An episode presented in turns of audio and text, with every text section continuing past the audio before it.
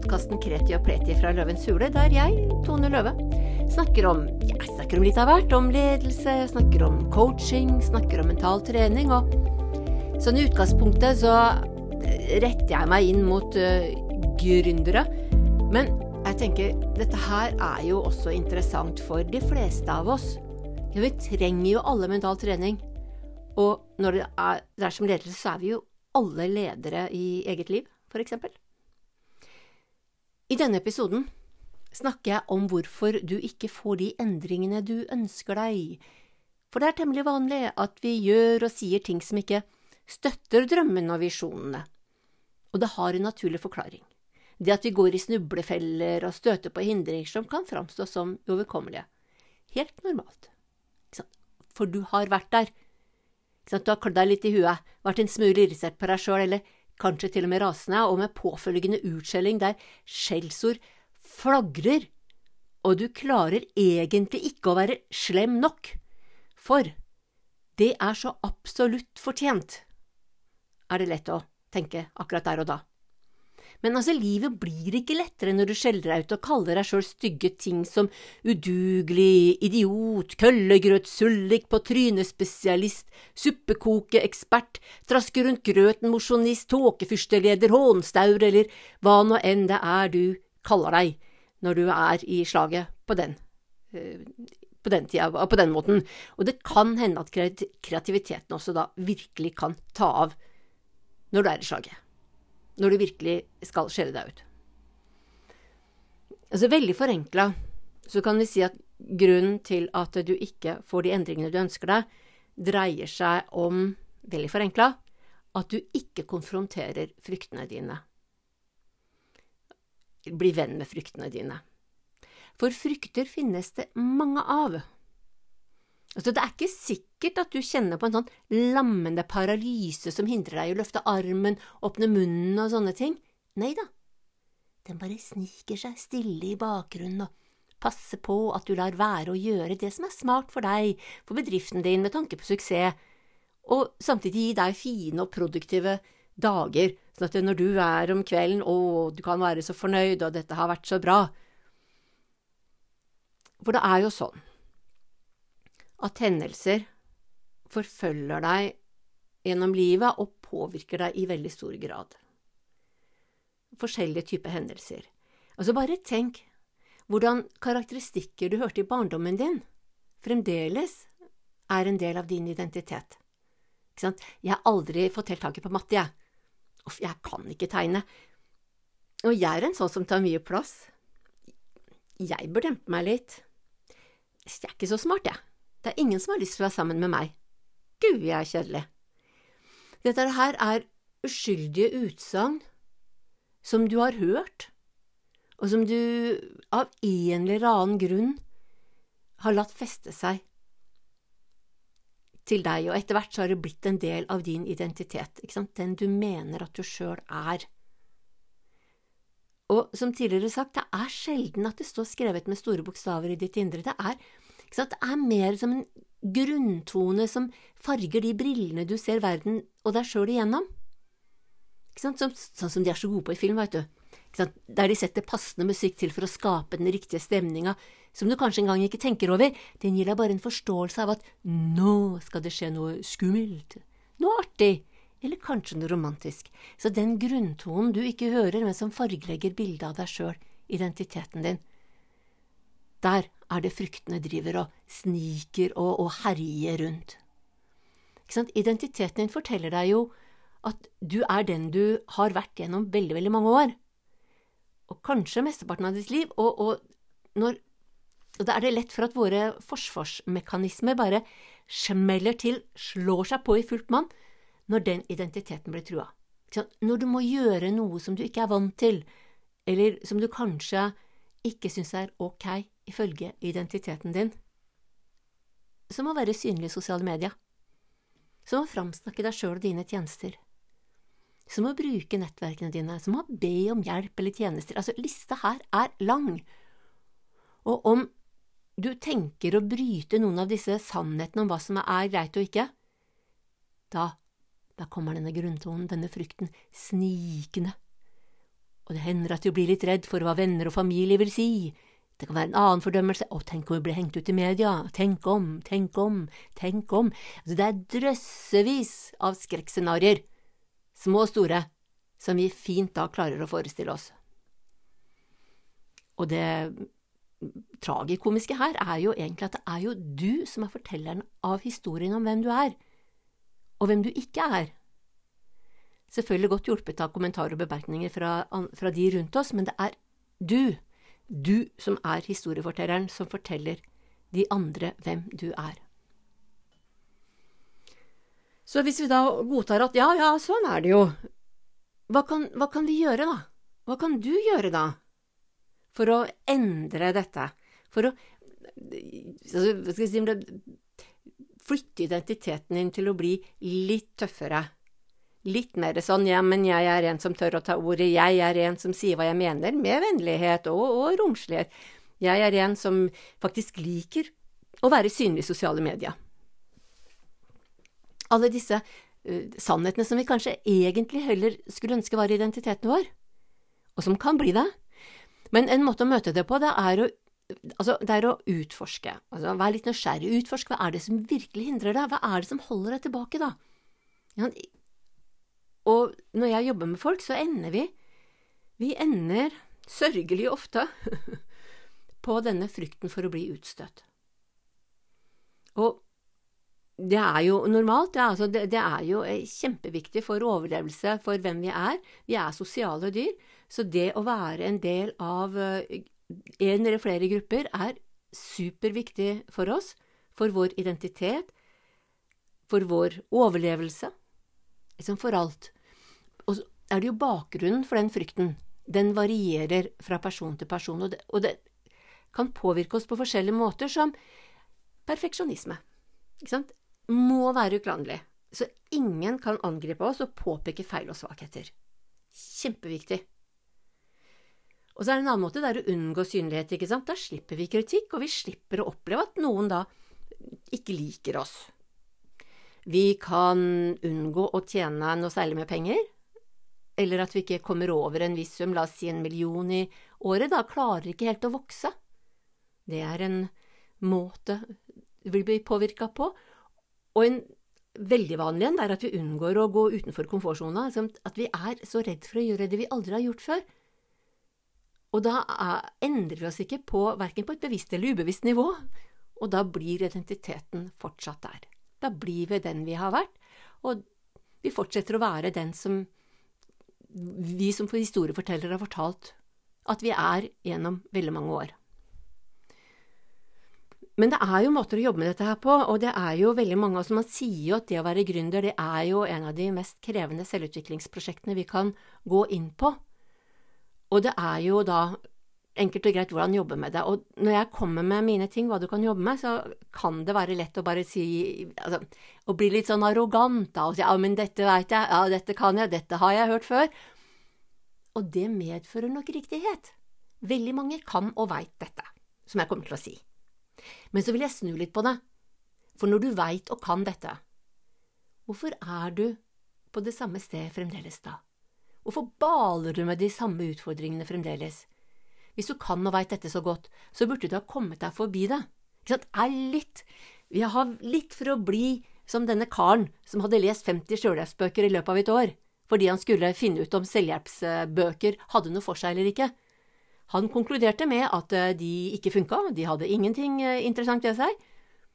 Og så blir han konfrontert med hvorvidt han hadde gjort det som bøkene sa han skulle gjøre, og det så han ikke nødvendigheten av, da. Og vi er litt der, veldig mange av oss. Altså, vi kan lese og eh, forske og studere og finne ut av hva det som er smart å gjøre, og så er det mye mer krevende å gjøre det. Det er, er veldig vanlig. Og så er det jo sånn at det viktigste, det er å gjøre gjennomføre, holde ut til du har fått de endringene som du ønsker deg. Og hvordan gjøre det, da? For det er nemlig lettere sagt enn gjort. Det er kjempelett å si det, og det er ikke alltid så lett å gjøre det. Men noe av det jeg syns er viktig å gjøre når vi kommer til hvordan endre oss, det er å være nysgjerrig. Altså, være nysgjerrig på hva er det som stopper deg, hvor ligger det? Mange har hørt gjennom livet hvem de er, og hva de kan, og ikke minst hva de ikke kan. Og igjen, ikke sant, disse historiene holder oss veldig ofte fast. Og det er jo også da historien om oss sjøl som dreier seg om vår identitet, hvem vi er. Så da kan du bare sjekke ut du er nysgjerrig på. Hva, hva er det? Liksom bare gå tilbake. Når hørte jeg det første gangen?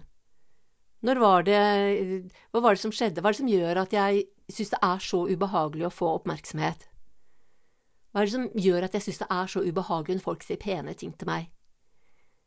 Hva er det som gjør at dette med, med sosiale medier er så slitsomt, så utfordrende? Altså, bare utforsk, vær nysgjerrig, så kan det være at du oppdager litt mer eh, bakover hvilke årsaker det kan ha. En annen ting som er smart i denne sammenheng, det er eh, å virkelig ønske endring på et dypt nivå. Det er veldig lett å være litt sånn overfladisk. Ja, selvfølgelig har jeg lyst til å endre meg. Men det å skulle endre oss på et sånn dypt indre nivå, det krever innsats. Og det, For å virkelig klare å endre oss, så er vi nødt til å lure det inn i det ubevisste. Ikke sant? Vi er bevisst, det er lett nok, men det er i det ubevisste at vi har de automatiske systemene våre. Det er der vi gjør ting på autopilot. Så det er der vi ønsker endringene, for å klare å, å altså, overkomme en del av de fryktene. For det er jo sånn at de fleste av oss veit jo så mye om hva vi bør gjøre for å endre oss, og så gjør vi det ikke. Og det er jo egentlig ganske interessant, for at det, målet er i grunnen fristende, og hva er det da som gjør at vi ikke går for det? At vi lar oss hente inn av gamle uvaner? Ofte fordi det er trygt. Og det er i mange tilfeller relativt komfortabelt. Altså, det er jo mye mer komfort i det ubehagelige vi kjenner og mestrer, enn å skulle foreta endringer som jo da, på et bevisst nivå så, så tenker vi at det, det kan bli bra, men vi veit ikke helt hva det fører med seg. Og da, når vi skal endre vanene våre, og dermed også da en form for identitet, da begynner det å jobbe i det ubevisste, for det ønsker å ha oss inn i det samme gamle. Tralten, lettvinte tralten, forutsigbart, enkelt og greit, bøkk å være behagelig, spiller ingen rolle. Og så kan det ha noe med eh, kortsiktige og langsiktige resultater, ikke sant. Det er? De langsiktige resultatene, det er jo ofte fornuftige, sunne og bra ting. Og så lar vi oss altfor ofte velte av litt sånn kortsiktig komfort. For det er Altså, det er mye mer behagelig å ligge på sofaen enn å trene, for eksempel. For de fleste av oss, i hvert fall. Og det er så mye lettere å la være å poste på sosiale medier enn å lage alle disse postene som alle skal se, og kunne kritisere og kunne danne seg opp en mening om hvor flink eller lite flink, hvor smart eller usmart vi er, da. Og så er det ofte så, også når det gjelder sosiale medier, og det er så mye lettere å scrolle seg nedover på Facebook, på Instagram, enn å gå i gang med å lage innhold, eller gjøre regnskapet, eller svare på de e-postene. Ikke sant? Og det er så mye lettere å tjene akkurat passe, sånn at ingen kan kalle oss grådige, eller vi kan til og med prise oss veldig lavt sånn at vi ikke framstår som kyniske, sånn at vi framstår som snille, vennlige, rause, gode mennesker. Ikke sant? Dette her er jo så langt fra en, en utfyllende liste, men dette er noen av disse elementene som, som vi vanligvis oppdager at vi er redde for når vi graver litt, når vi utforsker litt, er litt nysgjerrige, så havner vi på, ofte på, på en god del sånne. Så hva er det som i realiteten holder deg tilbake, da? Og det vil du faktisk ikke vite før du har utforska i det ubevisste. For når vi går på oppdagelsesferd i det ubevisste, da, da får vi svarene om hva det er som holder oss tilbake. For vi veit jo hva det er, innerst inne. Vi har bare laga så uendelig mange lag av forklaringer og unnskyldninger for hvorfor vi er sånn som vi er. Hvis jeg bare er sånn, jeg. Jeg liker bare ikke å vise meg fram, jeg. Jeg liker bare ikke oppmerksomhet. Når folk snakker pent om meg, jeg syns det er så ubehagelig. Ja, men sånn er jeg bare. Og jeg har ikke lyst til å være blant dem som later som om alt er så innmari bra i sosiale medier hele tida. Altså, jeg bare liker ikke regnskap. Jeg har aldri skjønt meg på tall, jeg. Ikke sant? Ikke sant? Når du hører disse eksemplene, så tenker jeg det gjelder for, for ganske mange av oss. Og når vi hører hvordan vi snakker, ikke sant, er, vi bruker er, jeg er sånn. Jeg vil ikke være en som alltid er altså, Det dreier seg om identiteten vår. Sånn, hvem vi er når alt kommer til alt. Og da er jo igjen tilbake til disse historiene som vi forteller om hvem vi er og hvem vi ikke er. Og så Når det gjelder dette, kan vi godt jobbe på et bevisst nivå også. Det er jo gjerne første steget også.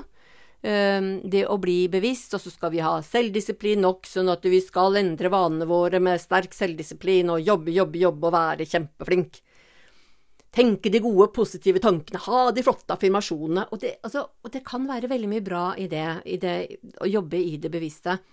Men så er det én ting som jeg har lyst til å si når det gjelder det å jobbe det bevisste med veldig hard selvdisiplin. Det kan bidra til at våre gamle vaner jobber da litt ekstra hardere for å få oss tilbake innafor komfortsona. Der du er trygg. For det meste av det som i ditt ubevisste kan oppfattes som skummelt, det jobber du beinhardt for å unngå, og det er veldig mye som det ubevisste kan oppfatte som skummelt, som et sted hvor det virkelig ikke ønsker å gå. Og de fleste av oss har massevis av det.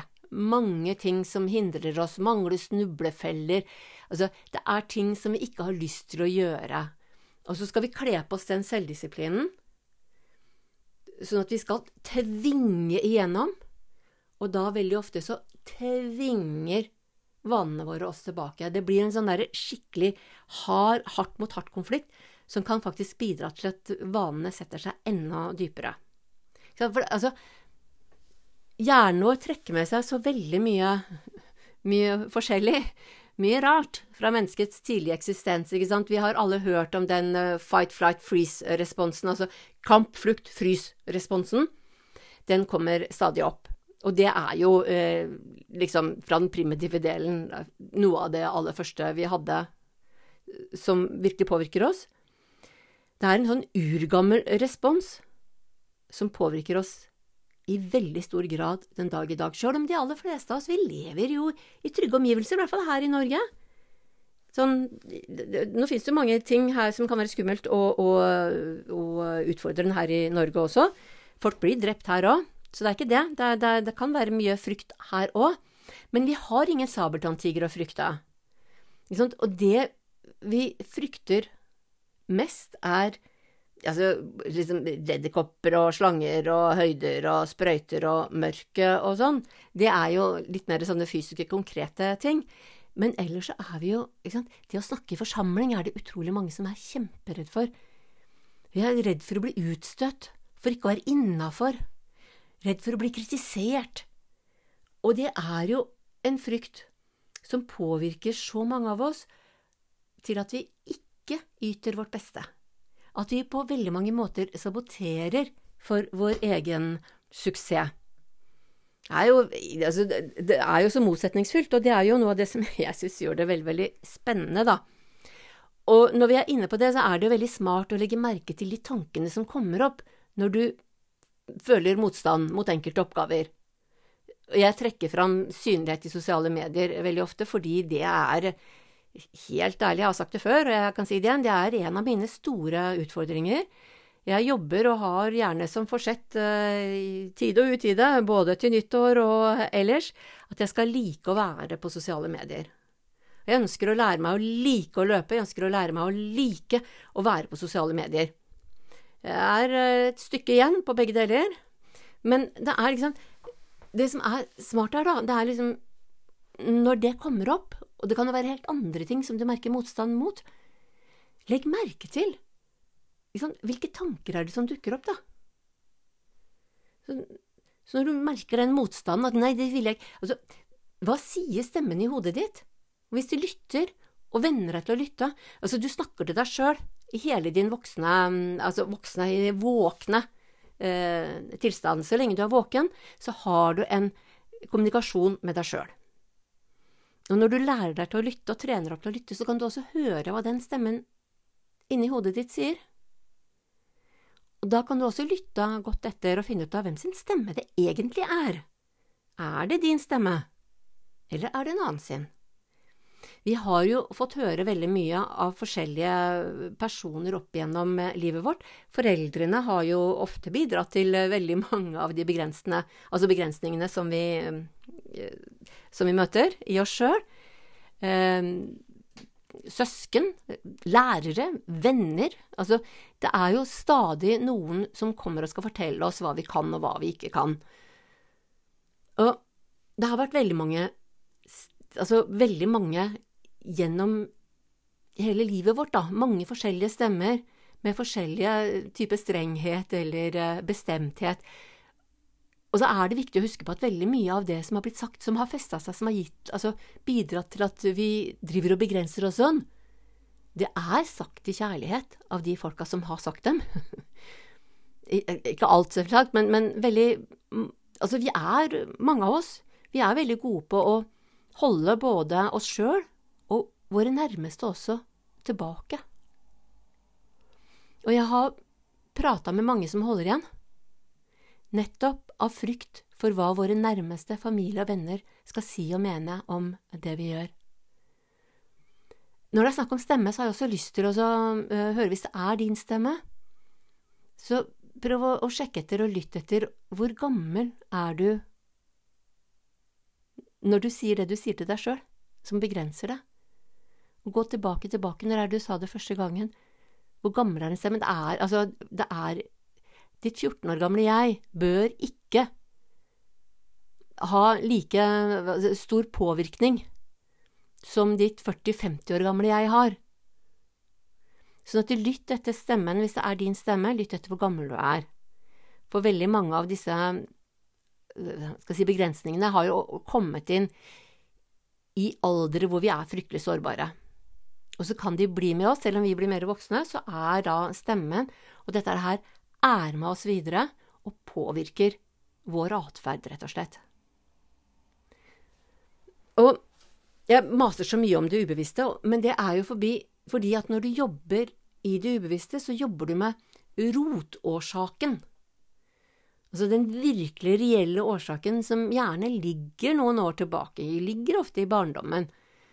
Det kan være noe som ble sagt som var sånn typisk deg, ikke sant, ja, men hun er jo litt rotete, og det er jo alltid kaos hos deg, og du skal jo alltid markere deg, du, tråkke ned de rundt deg. Og du snakker alltid med så høy stemme. Det kan også være andre ting, ja, men du er jo så flink, du gjør jo alltid det jeg ber deg om. Det er jo også en måte å gjøre det på. Eller men du er jo så dum, du skjønner jo virkelig ikke noe som helst, og i hvert fall ikke matte, du skjønner ingenting i det hele tatt. Og det kan også være mange ganger hvor du får ikke være med. I barndommen, hvor mange ganger har vi ikke blitt utestengt? Å gud, jeg husker jo fra mine eh, tider også hvor vondt det var når de andre så vise deg hånda, liksom, du får ikke møtt en lukka dør. Og du får ikke komme inn hit, og så har de det hyggelig bak den døra. Åh, vi har ikke lyst til å leike med deg.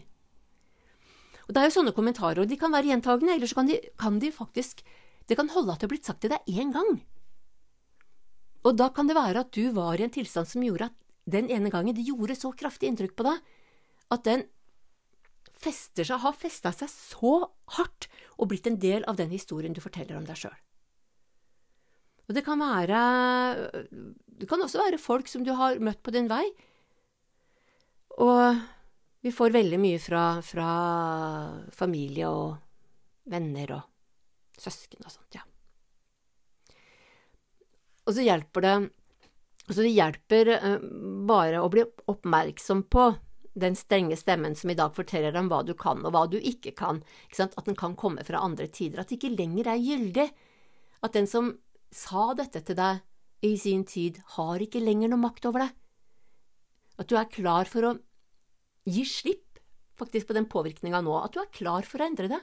Du er klar for å lage nye vaner, støpe ny identitet. Det er den altså der den voksne, trygge delen av deg har den største innflytelsen. Og da er det også så viktig at du veit hva som er viktig for deg, at du jobber med verdiene dine. Det kan hende at noe av det som var viktig og vanlig i barndom og oppvekst, ikke er lenger noe du ønsker skal styre deg og dine valg. Vi kan ta noe veldig lettvett eksempel som janteloven. Altså, hvem er det som ikke er påvirka av den på, på, mange forskjellige måter? Selv om vi har uh, liksom erklært den død og begravet så mange ganger, så er det vel veldig få av oss som med hånda på hjertet kan si at nei, den påvirker oss ikke lenger. Og om Altså, jeg mener janteloven lever så inderlig godt, og de fleste av oss har den med oss uh, inni oss, og så samtidig, om vi blir flinkere til å frigjøre oss fra den sjøl, så er jo omgivelsene våre påvirka av den. Samfunnet er påvirka av den. Så det er noe med at vi, vi, vi kommer oss ikke unna, og da er det så viktig å jobbe med nettopp dette.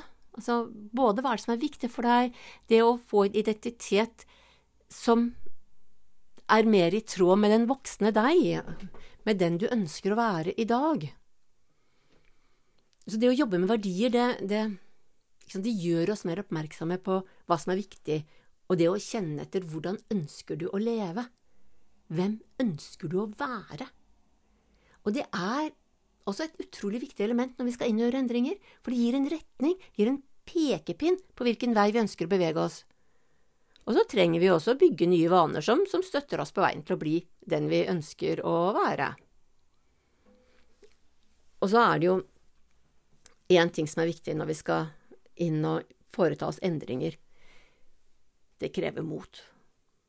Jeg tenker at det er utrolig modig å gjøre endringer og utvikle identiteten vår. Altså sjølutvikling for meg er modig. Jeg syns det er kjempeskummelt.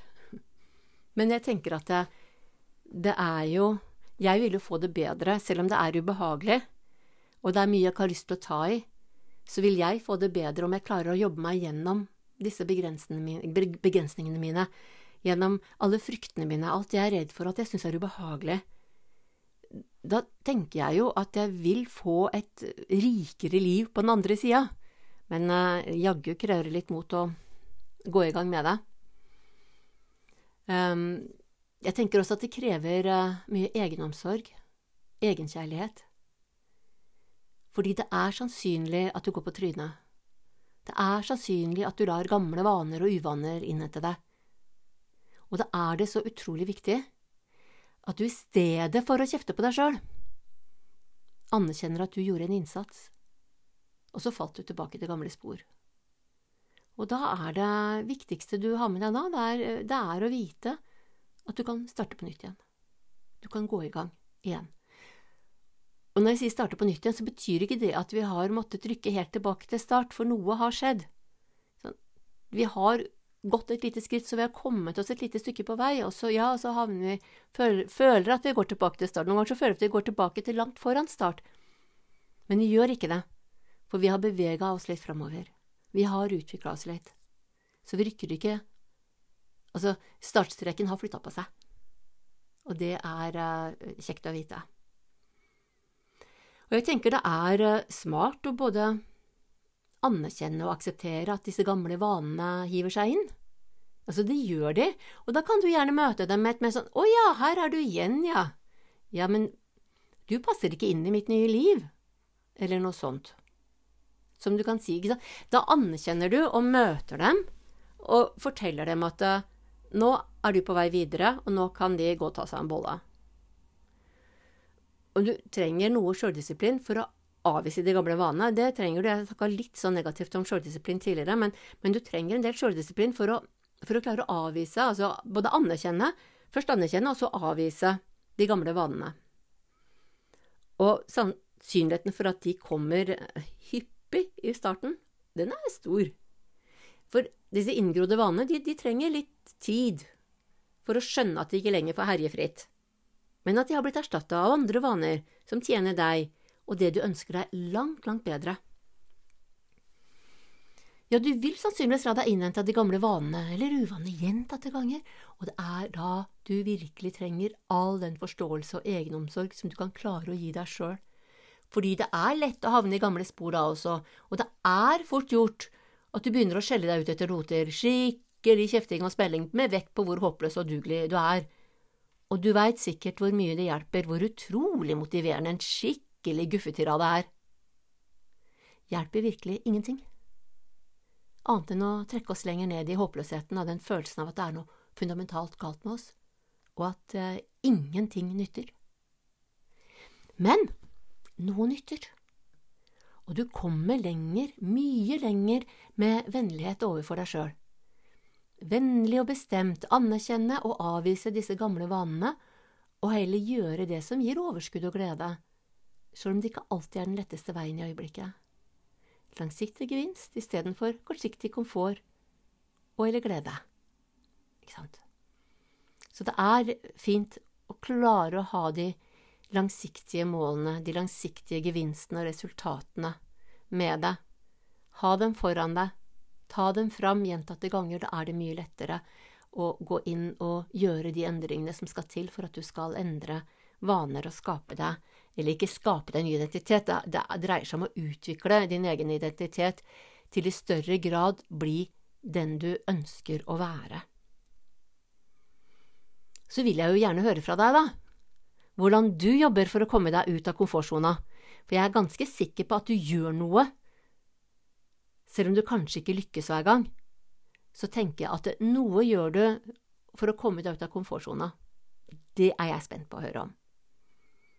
Hva du gjør for å få de endringene som du ønsker deg. Så kom igjen, meld tilbake. Og da er det bare én ting å si.